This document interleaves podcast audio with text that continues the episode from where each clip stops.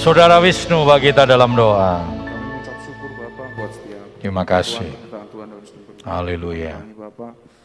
kami boleh bersama-sama di tempat ini Tuhan Yesus menikmati berkat-Mu Tuhan. Haleluya Yesus. namamu Tuhan tiba saatnya Bapak kami akan mendengarkan sebagian dari firman-Mu Tuhan Yesus berkati hamba-Mu yang akan memberikan sabda firman-Mu Tuhan Yesus hingga apa yang disampaikan hamba-Mu boleh eh, bertumbuh dan berbuah dalam setiap kami Tuhan. Terima kasih Tuhan, terima kasih.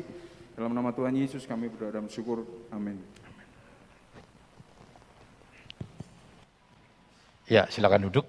Selamat pagi, selamat kita boleh kembali bertemu dalam kasih Tuhan Kristus. Bapak Ibu sudah diberkati pada pagi yang indah ini. Amin. Allah yang kita sembah adalah Allah yang ajaib, yang luar biasa, yang boleh menolong kita semua. Puji Tuhan ya.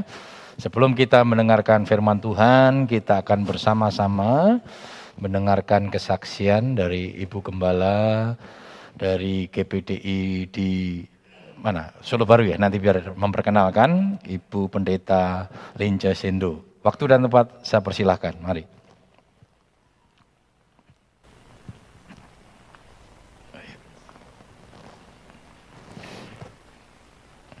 Haleluya.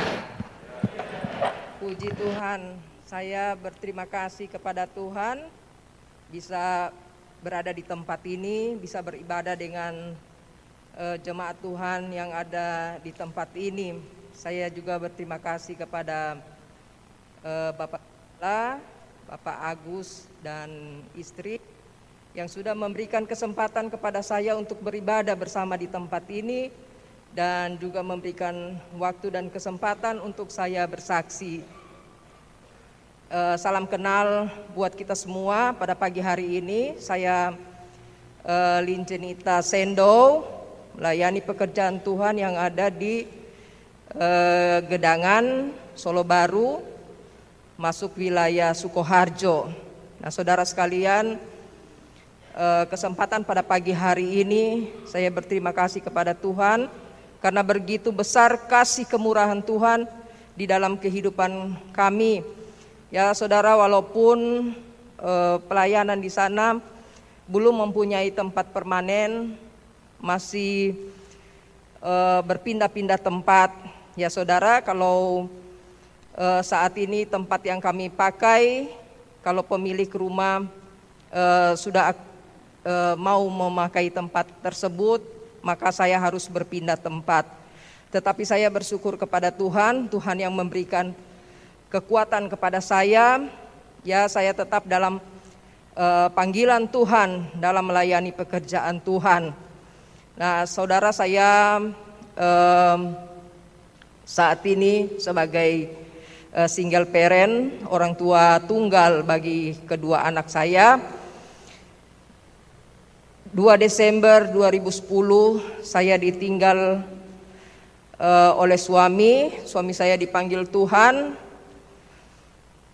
dan saat ini sudah kemarin Desember sudah 11 tahun ya saya menjalani kehidupan sebagai orang tua tunggal. Anak-anak saya waktu itu masih sekolah ya. Masih butuh bimbingan sebenarnya dari seorang ayah, tetapi ya eh, Tuhan yang sudah memanggil suami saya, ya kami menerima keadaan tersebut. Ya walaupun agak susah, agak berat bagi saya untuk membesarkan anak-anak. Waktu itu anak saya yang pertama sementara kuliah. Kalau tidak salah semester 3 atau semester 4 di IHS. Anak saya nomor 2 kelas 1 SMA. Masih membutuhkan biaya yang begitu besar. Tetapi sebagai seorang hamba Tuhan, saya hanya berharap bersandar kepada Tuhan, karena saya tahu Tuhan yang memanggil saya adalah Tuhan yang setia, dan dengan berjalannya waktu, anak-anak saya bisa menyelesaikan pendidikan, dan anak saya yang pertama sudah menikah. Saya saat ini dia dengan suaminya tinggal menetap di Jogja. Di Jogja, eh, anak saya nomor dua bersama dengan saya di rumah Dia bekerja di Rumah Sakit Dr. Un Kandang Sapi, bagian administrasi. Kalau melihat menjalani kehidupan sebagai seorang single parent begitu berat bagi saya, tetapi kalau sampai saat ini saya bisa berdiri di tempat ini dengan kekuatan daripada Tuhan, semua karena anugerah, kasih dan kemurahan Tuhan yang begitu besar dalam kehidupan saya. Nah, saudara yang saya mau saksikan, 2019 saya difonis dokter uh, kena kanker rahim. Sebagai seorang wanita, tidak ada pendamping, sungguh e, merasa sangat susah, berat, ya saudara. Sampai saya tidak berdaya, saya tidak tahu mau berbuat apa. Tetapi kembali lagi, saya sebagai seorang hamba Tuhan dipanggil Tuhan untuk melayani pekerjaan Tuhan. Tentu saja kehidupan ini yang empunya adalah Tuhan. Oleh sebab itu saya hanya berserah penuh kepada Tuhan. Dan kalau saudara melihat saya sampai saat ini, ya saya sehat, saya bisa berjalan, saya bisa melakukan aktivitas dalam pelayanan, dalam kehidupan sehari-hari, semua karena kasih anugerah Tuhan yang begitu besar dalam kehidupan saya. Oleh sebab itu, di hari-hari ini saudara saya tetap berserah kepada Tuhan. Saya hanya meminta pertolongan daripada Tuhan. Saya sudah menjalani apa yang uh, Tuhan kehendaki dalam kehidupan saya. Ketika dokter vonis saya kanker, secara manusia saya menjadi down, saudara. Saya bingung, tidak tahu mau berbuat apa. Sampai uh, dari dokter kandungan menyerahkan saya ke dokter spesialis kanker. Dari spesialis kanker mengatakan saya harus diangkat kandungannya. Tidak ada jalan yang lain, saudara saya hanya berdoa kepada Tuhan meminta pertolongan Tuhan. Kalau memang ini jalan satu-satunya, kandungan saya harus diangkat. Saya serahkan semua ke dalam tangan Tuhan dan itu saya sudah jalani saudara pada bulan November 2019. Uh, eh, ovarium saya diangkat, getah bening diangkat, uh, kandungan saya diangkat. Dan saat sampai saat ini saya masih proses dalam check up dokter tiga bulan uh, sekali. Nah, saudara sekalian, setiap kali kontrol dokter tanya ada keluhan apa bu? Saya katakan tidak ada keluhan. Hal itu kalau terjadi dalam kehidupan saya, saya tahu itu semua karena turut campur tangan daripada Tuhan. Sehingga saya diberikan sehat, saya bisa menjalani kehidupan ini. Nah saudara sekalian ada pegangan ayat bagi saya di dalam kitab Yesaya. Di sana firman Tuhan katakan, Dia memberikan kekuatan kepada yang lelah, menambahkan dan menambah semangat kepada yang tidak berdaya. Saya terkadang lelah sampai tidak berdaya. Saya hanya mempunyai kekuatan yang daripada Tuhan. Dan sampai pada pagi hari ini, saat ini saya bisa berdiri di sini semua karena kemurahan Tuhan. Terima kasih banyak buat kesempatan yang diberikan kepada saya. Kiranya jemaat Tuhan di tempat ini pun diberkati Tuhan. Bapak dan Ibu Gembala diberkati oleh Tuhan dalam pelayanan pekerjaan Tuhan. Tuhan memberkati. Saya kembalikan ke Bapak. Iya, puji Tuhan. Iya, kita terus dukung di dalam doa supaya pekerjaan Tuhan yang ada di sana senantiasa diberkati oleh Tuhan. Puji Tuhan. Langsung saja kita akan bersama-sama mendengarkan firman Tuhan. Tema firman Tuhan kita pada pagi yang indah ini adalah jagalah hatimu. Ya, jagalah hatimu. Amsal 4 ayat 23. Kenapa kita perlu menjaga hati kita? Ya, kita akan sama-sama melihat di dalam Amsal 4 ayat 23. Mari kita sama-sama bangkit berdiri.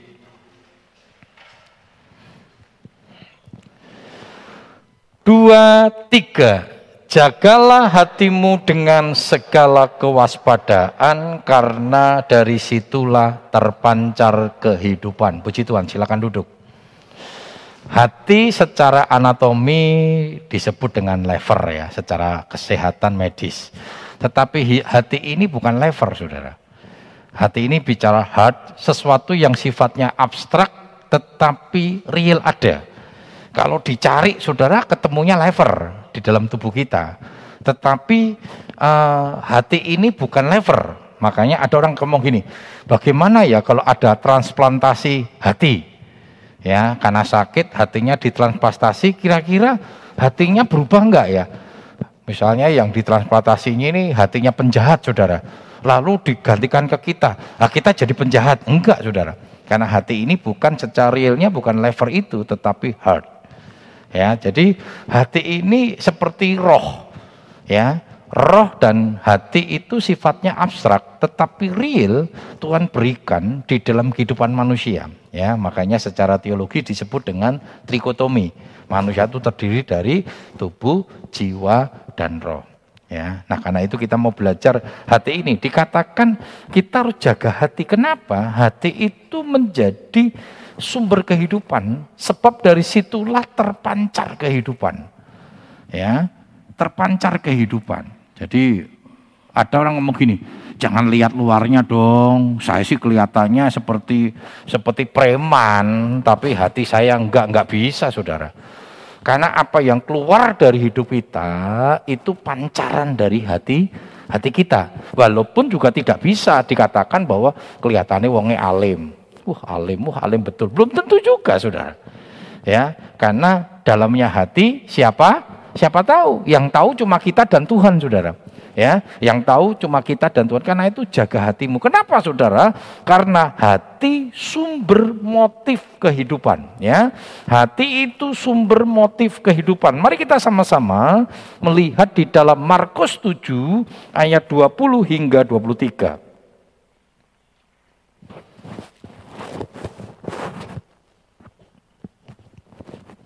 Markus 7 ayat yang ke 20 hingga 23. Demikian firman Tuhan. Katanya lagi, apa yang keluar dari seseorang itulah yang menajiskannya. Sebab dari dalam dari hati orang timbul segala pikiran jahat, pencabulan, pencurian, pembunuhan, perzinahan, keserakahan, kejahatan, kelicikan, hawa nafsu, iri hati, hujat, kesombongan, kesebalan. Semua hal-hal jahat itu timbul dari dalam dan menajiskan orang. Perhatikan saudara, betapa ngerinya kalau hati itu tidak dijaga, karena hati dikatakan sumber dari kejahatan. Kenapa? Nggak boleh lupa saudara. Setelah manusia jatuh dalam dosa, manusia dikuasai oleh natur dosa. Ya, yang kita kenal dengan dosa warisan. Dosa warisan itu bukan berarti ketika anak lahir lalu mak ceprot dikasih digemboli diberikan dosa. Tidak Dosa warisan itu pengertiannya adalah setiap manusia yang dilahirkan dia memiliki kecenderungan untuk berbuat dosa. Makanya saya tidak setuju dikatakan bahwa seorang bayi yang lahir itu seperti kertas putih. Tergantung dia mau diisi apa diis, dicoreti dengan tinta hitam akan menjadi hitam, di tinta merah menjadi merah. Enggak seperti itu, saudara. Kalau kita punya anak, sama-sama enggak dididik kejahatan, sama-sama tidak dididik kebaikan, kira-kira anak itu akan ke mana, saudara? Pernah melihat anak kecil, ya anak bayi ketemu anak bayi, saudara ya, mainan. Terus yang satu ngerebut, saudara Terus kecenderungan yang satu apa sudah? Dia akan pukul sudah. Oh, gitu. Terus butan. Oh, terus pukul-pukulan sudah ya. Nangis gitu ya. Terus orang tua kembali, ih lucu, ih, lucu, dosa lucu saudara. Pernah lihat itu ya? Apa anak-anak pernah, uh, orang tua pernah ngajar gini, le, waktu dari bayi, kalau mainanmu direbut, jotos le. Wah ya, nanti kalau yang satu dikasih tahu, le, kowe nek dijotos, mbales le. Enggak ada saudara. Itulah yang disebut dengan kecenderungan manusia jatuh dalam dosa. Kenapa? Karena ketika Adam dan Hawa jatuh dalam dosa, keturunan manusia itu memiliki natur dosa. Karena itu perlu firman. Kita perlu firman, sudah. Kenapa? Ketika anak dididik firman saja, saudara, diajarkan firman ini dari keluarga yang ini, saudara ya keluarga apa namanya keluarga Kristen diserahkan Tuhan setiap hari didongeng ke firman Tuhan tidak ngerti kancil nyolong timun ngertinya sam, apa Sadrah Mesa Abednego Daniel Simpson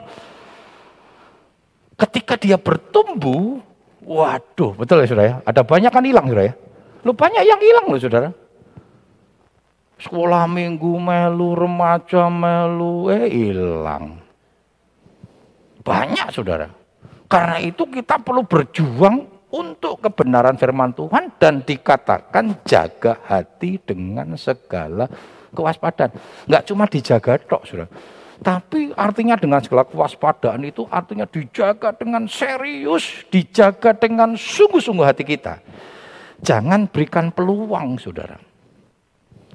Jangan berikan peluang kepada iblis untuk mengganggu kita. Masih ingat saudara ya, ketika Yesus dicobai, Yesus memenangkan pencobaan itu. Apa yang dikatakan statement oleh eh, statement Alkitab? Iblis undur dari Yesus dan mencari kesempatan. Nah, karena itu jangan berikan kesempatan. Caranya bagaimana? Jaga dengan segala kewaspadaan. Ingat Daud jatuh karena memberikan kesempatan. Ah, kok ya jalan-jalan, rojo kok melaku-melaku neng wuwungan, saudara, di soto. Eh, ada gadis mandi, orang itu gadis, bukan gadis lagi, saudara ya. Wanita mandi yang bersuami. Lah iya kok harusnya kan darah Yesus, kan gitu saudara, betul nggak? Ya, waktu jalan-jalan neng kuto, ono bule berjemur, harus darah Yesus, terus malingkan muka, saudara ya. Lungo ngatuh, orang darah Yesus, darah Yesus, ini Lihatin terus saudara. Wah pikirannya orang karu-karuan saudara. Kan beda saudara ya. Orang bule kalau ke Kute berjemur.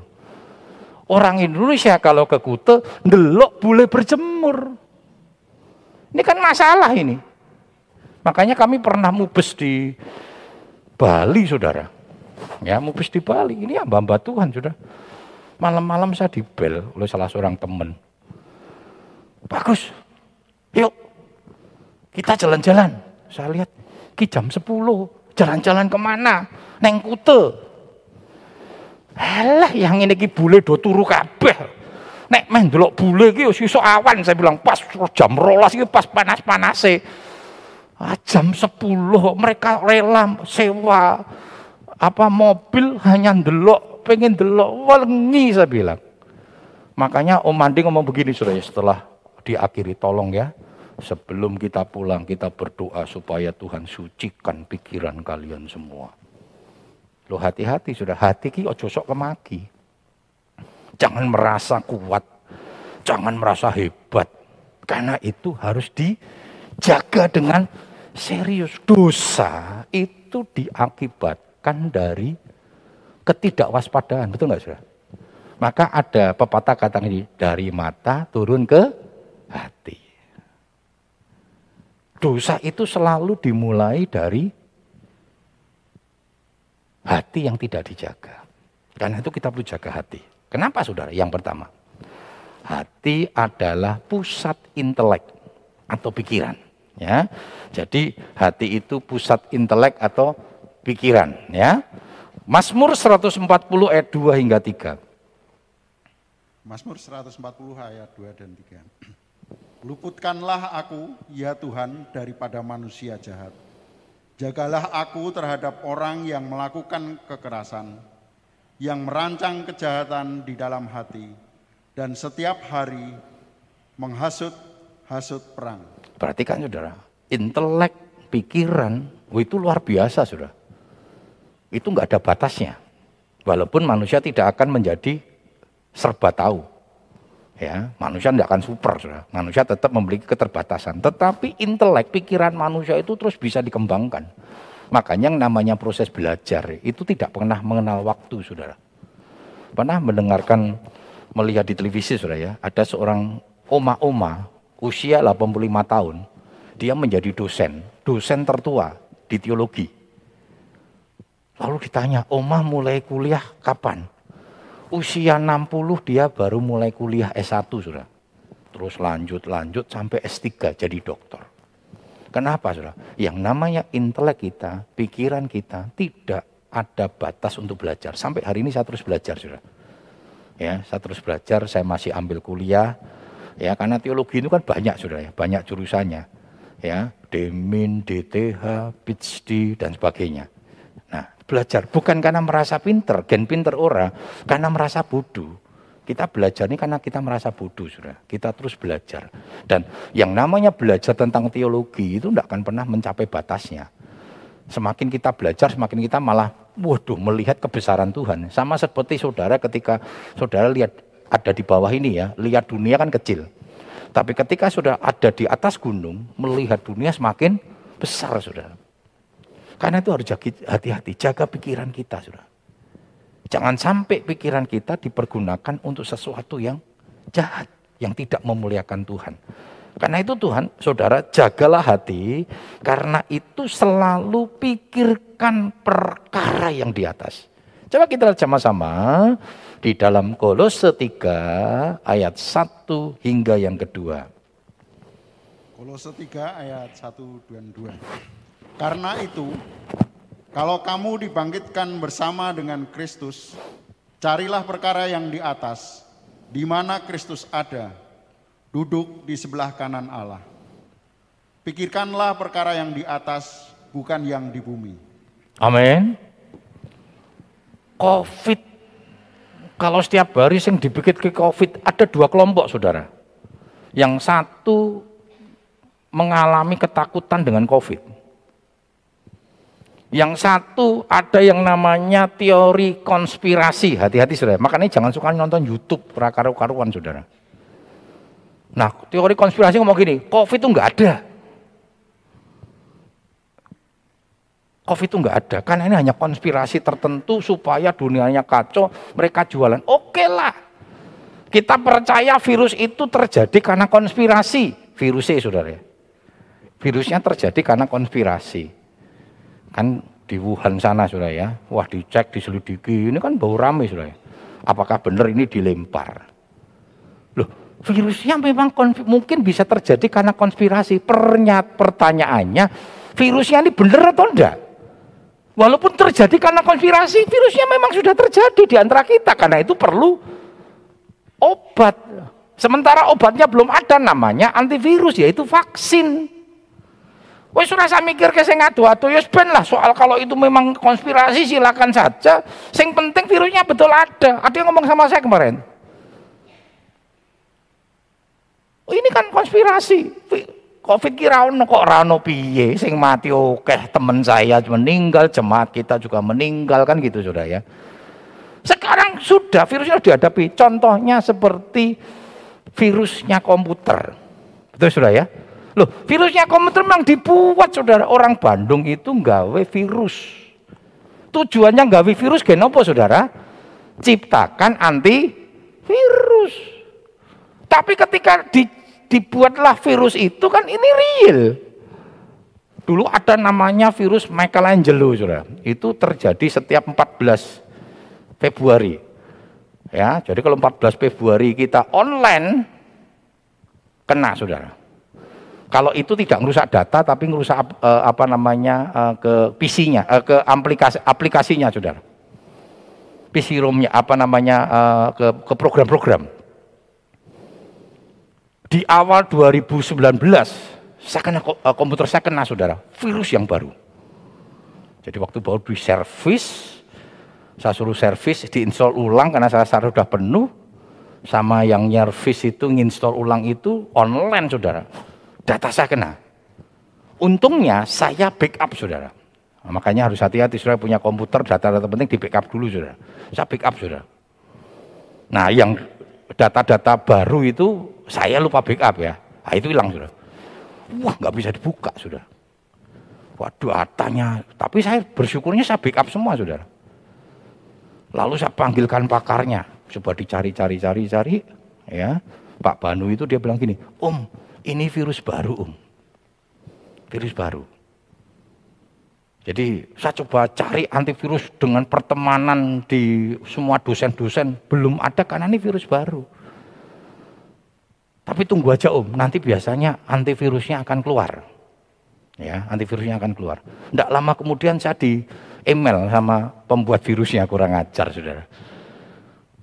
Ini orang orang orang luar sudah dari di, di luar Indonesia menggunakan bahasa Inggris ya. Intinya kue bayar sekian dolar, nanti saya akan berikan antivirus. Dan waktu itu saya nominalkan sekitar 6 jutaan. Lalu saya ngomong sama Pak Banu, Pak Banu gimana Pak kalau saya bayar ini? Jangan Om,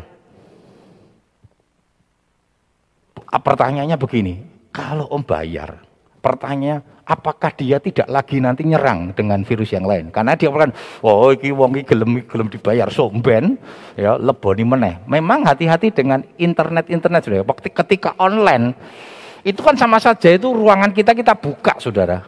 Orang bisa masuk seenaknya. Udah biarkan aja, Om. Nanti juga akan keluar antivirusnya. Dan yang kedua saya backup, Saudara.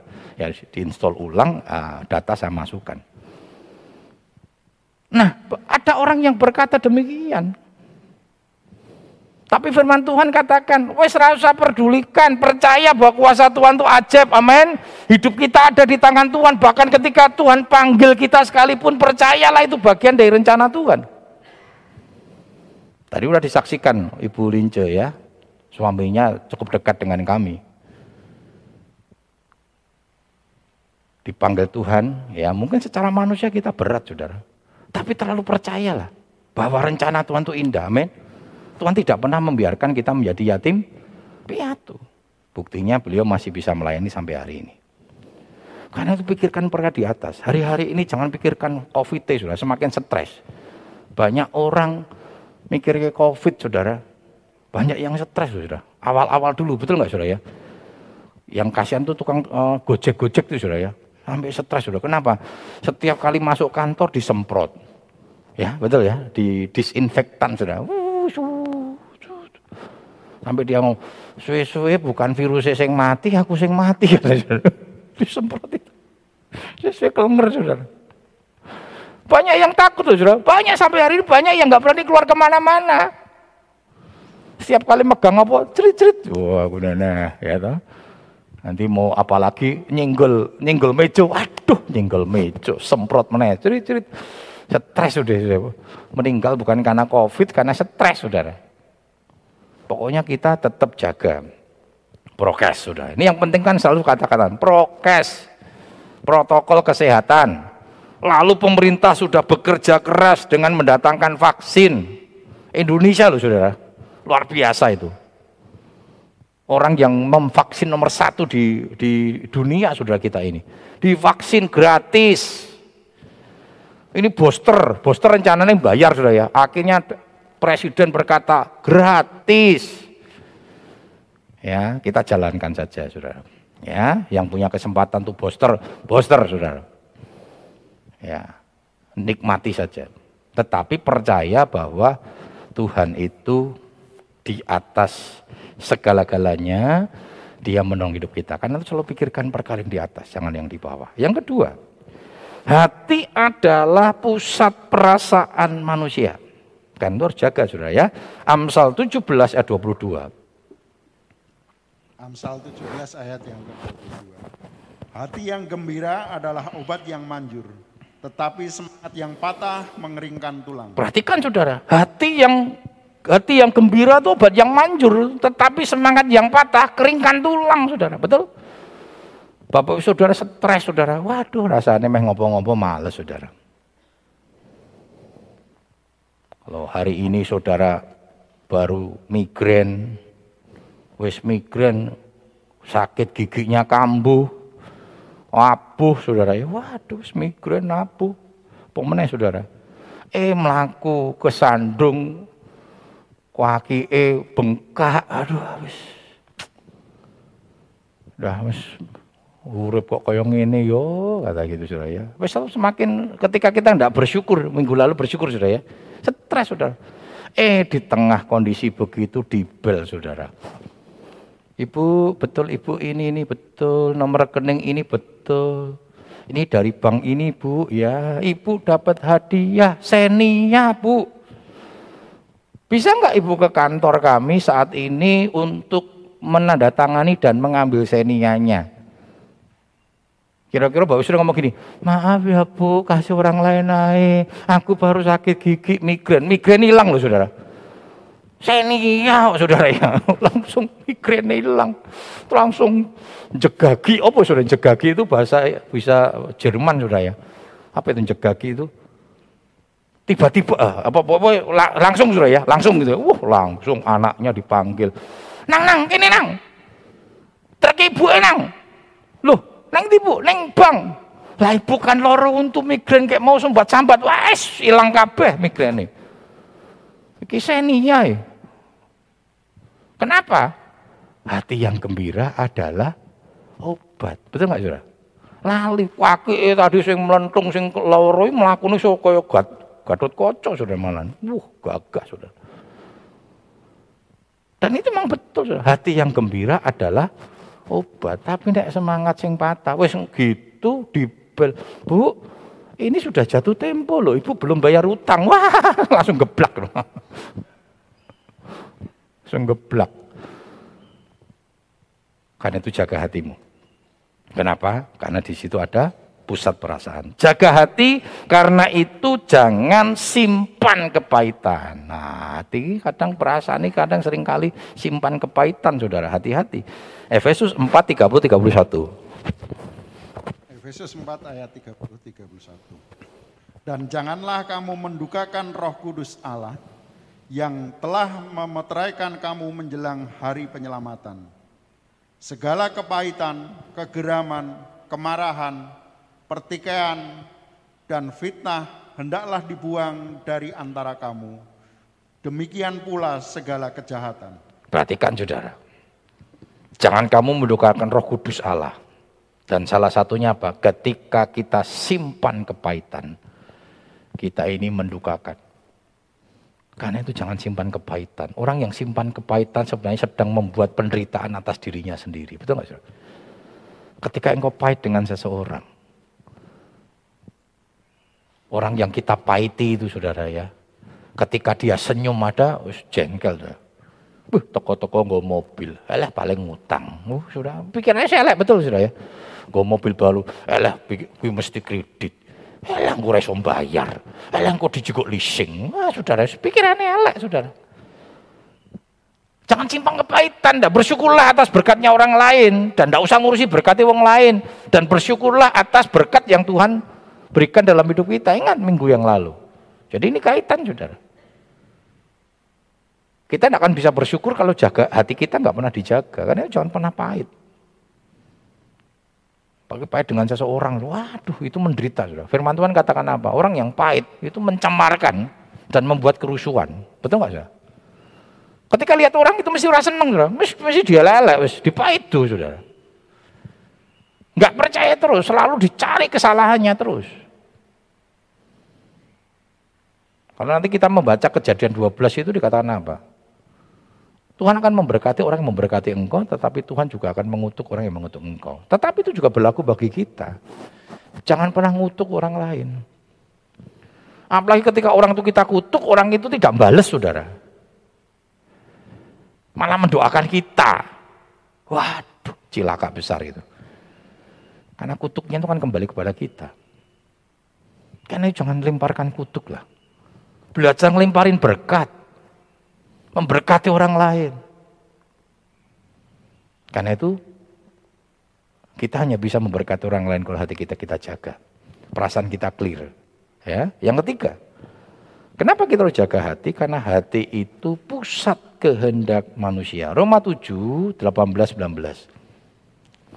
Roma 7, 18 dan 19. Sebab aku tahu bahwa di dalam aku, yaitu di dalam aku sebagai manusia, tidak ada sesuatu yang baik. Sebab kehendak memang ada di dalam aku, tetapi bukan hal perbuatan apa yang baik Sebab bukan apa yang aku kehendaki, yaitu yang baik, yang aku perbuat, melainkan apa yang tidak aku kehendaki, yaitu yang jahat yang aku perbuat. Berarti kan saudara, memang akibat dosa itu luar biasa saudara. Kondisi manusia mengalami kerusakan luar biasa, kerusakan moral dan sebagainya. Tetapi syukur kepada Tuhan.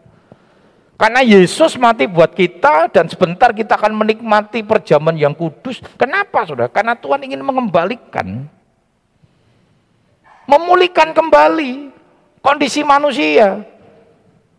Yang lama biar berlalu, yang lama itu hidup di dalam dosa, yang baru sudah datang hidup di dalam pembaruan Kristus. Itu yang disampaikan oleh Tuhan Yesus kepada Nikodemus. Maka Yohanes 3:16 itu setiap orang yang percaya, kata percaya itu artinya lahir baru. Dia mengalami kelahiran baru. Itu yang paling penting. Karena itu jaga saudara. Tuhan Yesus pernah berkata kepada murid-muridnya, roh memang penurut tapi daging lemah. Karena itu daging harus selalu dimatikan. Kita harus belajar nurut sama kehendak roh. Karena kehendak roh dan kehendak daging itu bertentangan. Makanya ketika kehendak dagingnya Yesus berkata, jikalau boleh cawani lalu daripadaku, Yesus kanter dengan pernyataan, bukan kehendakku yang jadi, tetapi kehendakmu. Karena itu kehendak kita harus dijaga, saudara. Supaya kehendak kita senantiasa sesuai dengan kehendak Tuhan. Ya. Saudara, jaga hati karena itu miliki kehendak untuk mengenal Yesus. Untuk hidup sama seperti Yesus. Seperti Filipi 25 katakan, hendaklah dalam hidupmu bersama memiliki perasaan dan pikiran yang terdapat di dalam Yesus Kristus. Dan itu goal kita. Visi gereja kita kan berakar, bertumbuh, berbuah menuju kedewasaan di dalam Yesus Kristus. Jadi goal kita itu adalah hidup sama seperti Yesus. Itu yang menjadi doa saya setiap pagi untuk jemaat. Untuk kami semua. Supaya hidup kami, hidup jemaat boleh senantiasa di bawah sama seperti Kristus. Coba kita lihat sama-sama dalam Filipi 3 yang 10. Filipi 3 ayat 10. Yang ku kehendaki ialah mengenal dia dan kuasa kebangkitannya dan persekutuan dalam penderitaannya, di mana aku menjadi serupa dengan dia dalam kematiannya. Ini yang luar biasa, saudara. Apa yang menjadi kehendak kita? Paulus memiliki kehendak apa? Mengenal dia. Bukan hanya mengenal dia, dia rindu hidup sama seperti Yesus. Mari itu menjadi kerinduan kita bersama-sama kita memiliki hidup yang sama seperti Yesus, memiliki pikiran yang sama dengan Kristus. Pikiran Yesus itu selalu memikirkan perkara-perkara yang di atas, bukan yang di bumi. Perasaannya sama seperti Kristus. Bayangin kalau perasaan Kristus seperti kita, saudara. Yesus disakiti, dia berkata, ampunilah dia Bapa, karena mereka tidak tahu apa yang di perbuatnya. Saudara disakiti, baleslah Tuhan. Aku kan anakmu. Betul? Padahal Tuhan Yesus ajarkan apa? Balaslah kejahatan dengan ke kebaikan. Artinya ketika engkau disakiti, Tuhan berkatilah dia. Luar biasa. Dan Tuhan sudah memberikan teladan untuk itu. Gampang enggak? Ya tidak gampang ketika kita lebih menurut perasaan daging kita, kehendak daging kita. Tapi menjadi mudah ketika kita belajar sama seperti Yesus yang Yesus sudah teladankan. Dia sudah lakukan itu. Sementara dianiaya, dipukul, bahkan mengalami penderitaan puncak di mana dia harus mengalami disalibkan. Dia masih berkata, Bapak ampunilah mereka. Sebab mereka nggak tahu apa yang diperbuatnya. Artinya Tuhan masih berdoa untuk orang-orang yang menyakiti dia. Dia berkata, Tuhan, oh coba perhitung ke. Mereka lakukan itu karena mereka nggak ngerti apa yang diperbuatnya itu salah. Luar biasa, saudara. Dan kita mau belajar, karena kita yang kita kan yang kita telah dari Yesus, saudara. Kita pengen punya pikiran dan perasaan sama seperti Yesus. Kristen itu artinya pengikut Kristus. Kalau kamu mau mengikut aku, pikut, uh, menyangkal diri, pikut salib dan ikutlah ah, aku. Itu syarat. Jadi kalau saudara tidak mengikuti teladan Kristus ya, saudara bukan orang Kristen, saudara. Karena itu mari, saudara. Pagi yang indah ini, firman Tuhan datang sama kita untuk menjaga hati kita. Jaga hatimu karena itu menjadi pusat intelek kita, pusat pikiran kita. Karena itu pikirkan yang perkabaran di atas, bukan yang jahat. Jaga hati kita karena hati adalah pusat dari perasaan kita. Jaga perasaan kita. Jangan gampang sakit hati, jangan gampang punya simpan kepahitan. Dan yang ketiga, jagalah hati karena hati adalah pusat kehendak kita. Biar kehendak kita selalu melakukan kehendak Tuhan. Seperti dikatakan, bukan setiap orang yang menyebut aku Tuhan, Tuhan. Yang akan masuk dalam kerajaan surga, melainkan yang melakukan kehendakku. Dia sudah lakukan semua, berikan teladan kepada kita semua. Bahkan dia sudah mati buat kita. Sehingga sebentar kita akan menerima tubuh dan darahnya yang dilambangkan oleh anggur dan roti itu belum menjadi kekuatan kita, memperingatkan kepada kita bahwa kita boleh ada sampai hari ini. Ini semua karena Tuhan mengasihi kita. Terima kasih Tuhan. Haleluya, haleluya.